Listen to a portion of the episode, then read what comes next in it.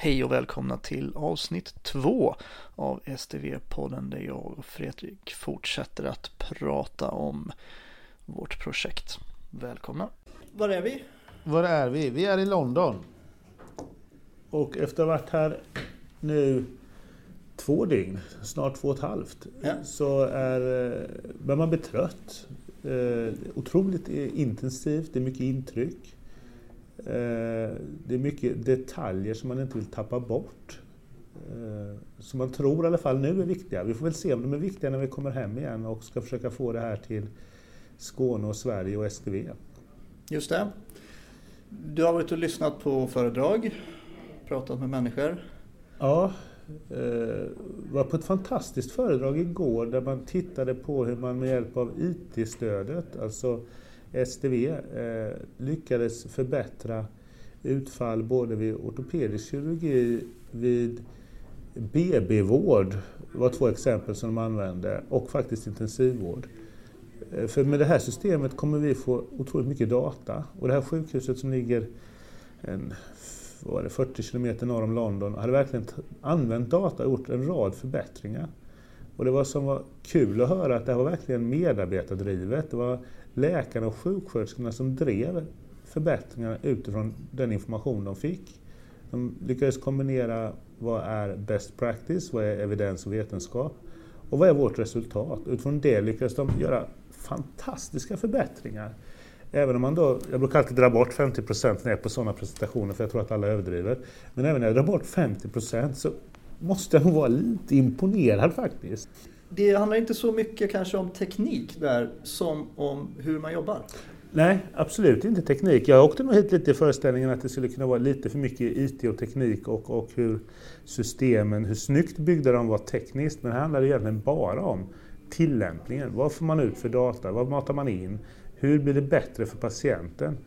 Det är ett otroligt patientfokus, vilket jag är imponerad av. Ehm, för när man pratar IT så blir det väldigt lätt teknik och, och så kanske lite bättre för medarbetarna så glömmer man bort patienten. Men här lyckas man liksom visa på att om vi gör det här så får vi en bättre vård av patienten, de blir friskare eh, och får ett bättre resultat.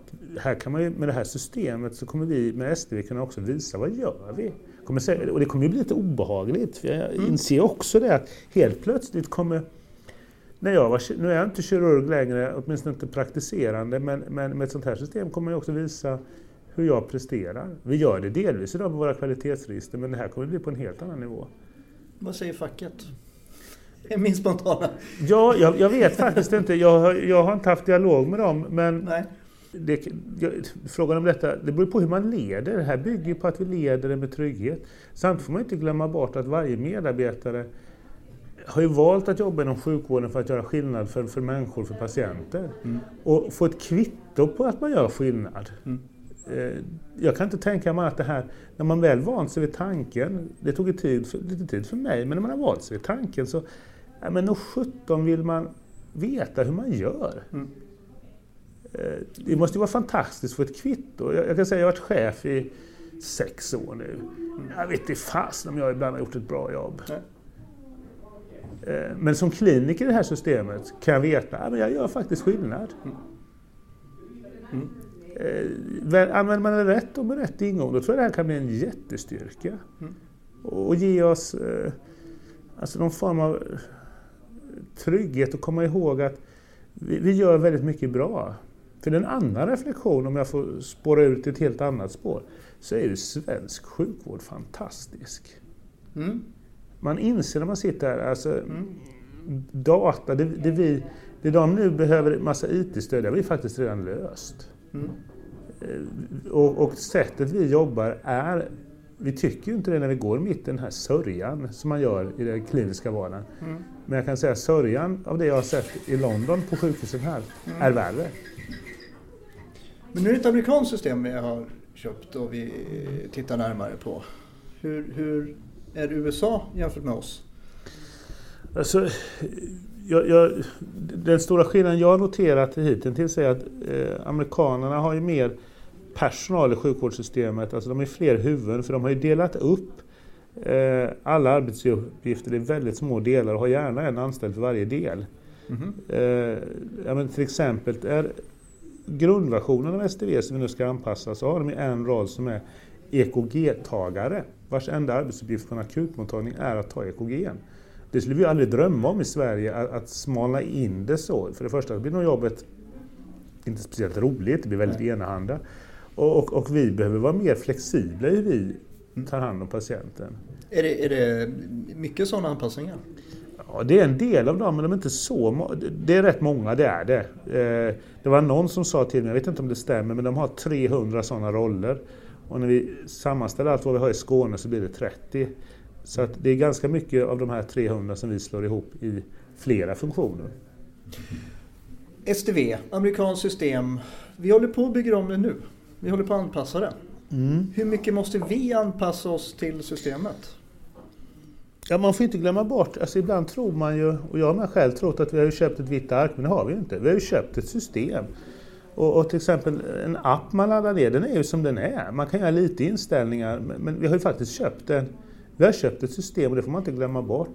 Men det, och, och, där är det mycket låst, men min, upp, min känsla och uppfattning efter sex månader här är att den delen som rör patientomhändertagandet och vården, där finns det stora möjligheter att påverka. Eh, sen kan vi inte påverka layouten, eh, huruvida det är rullmeny eller huruvida det är ja, eh, deras, jag kan säga, ni som kommer få jobba i det här systemet sen har ju underbart många små ikoner för allt möjligt och det blir lite blurrigt. Eh, och det kanske vi vill ändra men nu är de som de är. Det här är valt och det kan vi inte påverka förrän de gör en central uppdatering av ikonerna. Och då vill vi säkert inte byta för då har vi vant oss det här blurret. Men, men eh, jag uppfattar att den delen som verkligen gör skillnad för patienten och för våra arbetsflöden, där har vi stora möjligheter till påverkan. Vad måste vi göra på, på golvet för att STV ska funka? Ja, det där är ju en tusen, 10 000 kronors fråga. För, för den, är, den är svår men också väldigt enkel. Eh, den är enkel så tillvida att det är egentligen inte gigantiskt stor skillnad. Ja, men det är, jag skulle likna så här, vi får sätta, sätta lite proportion på det. När vi köper en ny telefon eller när vi uppdaterar, jag har en Apple, en iPhone och när det kommer ett nytt operativsystem, iOS 11 eller 12 eller vad det nu är uppe i, så blir jag lite störd för det ser inte ut riktigt som jag brukar. Men efter en vecka så kommer jag inte ihåg hur det såg ut, hur, hur den tidigare versionen såg ut. Den, det kommer bli joxigt, för vi kommer, det kommer inte se ut som vi vill. Men när vi väl har vant oss vid det så är den stora skillnaden att vi behöver dokumentera realtid. Eh, vi kommer sannolikt, alla som är inne i projektet är livrädda över alla klick. Eh, jag personligen är inte så orolig för jag satt på skoj och räknade klick, nu är det nog två år sedan, men det tog i alla fall, det var 36 klick för att skriva en röntgenremiss. Och det enda som var egentligen betydelsefullt för patienten det var vilken undersökning, vilken frågeställning och anamnes. Men det krävs 36 klick och 36 klick i det här systemet vi bygger kommer ge ofantligt mycket mer användbar information. Mm. Det gav tre informationsgrejer var 36 klick. Jag tror att i princip i det här systemet så är varje klick nästan någonting som genererar information som vi kan återanvända. Mm. Men det kommer ju vara en skillnad för att vi kommer uppfatta att vi behöver klicka mer tror jag. Mm. Jag eh, tror att man ska sätta sig och räkna hur mycket man klickar idag. Eh, och mm. jag tror inte det kommer vara en jätteskillnad. Mm. Realtidsdokumentation sa du? Det är en jättespännande fråga, otroligt svår och jag kan säga när, när jag hörde det här i början för då 6-7 månader sedan så jag, jag tänkte jag, vad fasen realtidsdokumentation, sluta. Eh, men nu när jag har sett poängen med det så tror jag det är bra. Men varför jag var skeptisk det var för att jag, när jag jobbar kliniskt på en akutmottagning, nu gör jag det extremt sällan, men när jag gör det så tyckte jag det var jättekul att liksom ta en 6, 7, 8 patienter kunde jag hålla i huvudet med lite stödanteckningar. Och sen satte jag mig ner en timme och dikterade av allting. Jag kände mig extremt duktig. Sjuksköterskorna var nöjda för att det rullade på bra. Patienterna fick träffa doktorn snabbare, trodde jag. Eh, åtminstone den som var först av de 6-7 som jag träffade. Eh, men det skapar en ohygglig oreda, inser jag nu när jag sitter och studerar och anpassa, och är med och anpassar STV. Eh, för då fick ju helt plötsligt röntgen i värsta fall 6-7 röntgenremisser. Det var 6-7 ordinationer samtidigt. De sjuksköterskor som jobbade med mig tyckte det var bra att jag gjorde så här. Men när man tittar på deras arbetsmiljö och arbetsbelastning så var det galet. De satt och väntade en timme och sen rasslade jag ut och så blev det fullt kaos och så rasslade jag in på kontoret och dikterade och så dök jag upp och ställde till oreda.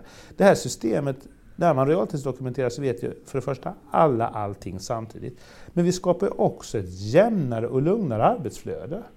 Det blir inte det här ryckiga som jag trivdes med och delvis sökt mig mot akutmottagningsverksamhet och kirurgi just för att det är lite pang, pang, pang. Mm.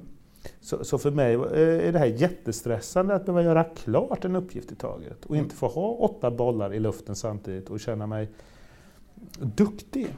Men, men, för, att, för, att, de andra och för att patientens resa ska bli smidig från sjuk till frisk eller från sjuk till att må bättre så, så så måste man göra det här samtidigt. Mm. Också med respekt mot de andra som ska ta hand om patienten. Alla, alla behöver få veta samma sak som jag vet. Mm. Hur, ska de, hur ska annars sjuksköterskor, undersköterskor, sekreterare, andra kollegor kunna reda upp och veta vad jag vet om inte jag delar det på en gång? Vem, vem har gjort det här tidigare?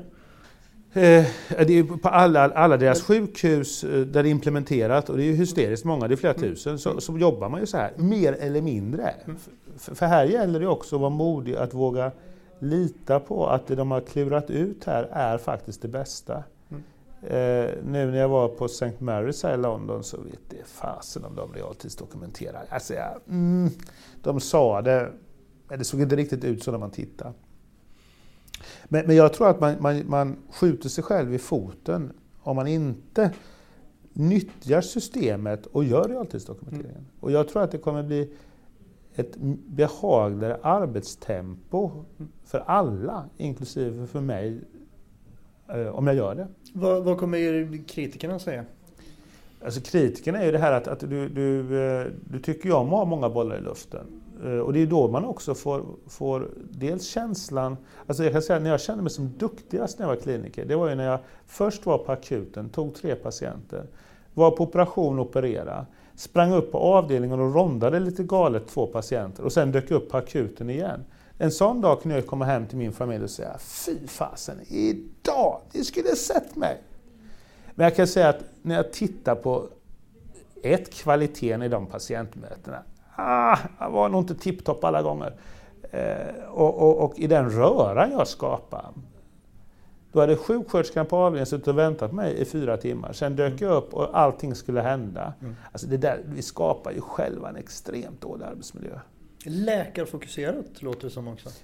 Ja, alltså helt plötsligt, alltså det som är poäng med att realtidsdokumentera och, och, och att man som läkare dokumenterar, Eh, och tar, slutar med de här post-it-lapparna och säger saker i korridoren när man springer på någon som man tror kan utföra det man ber om.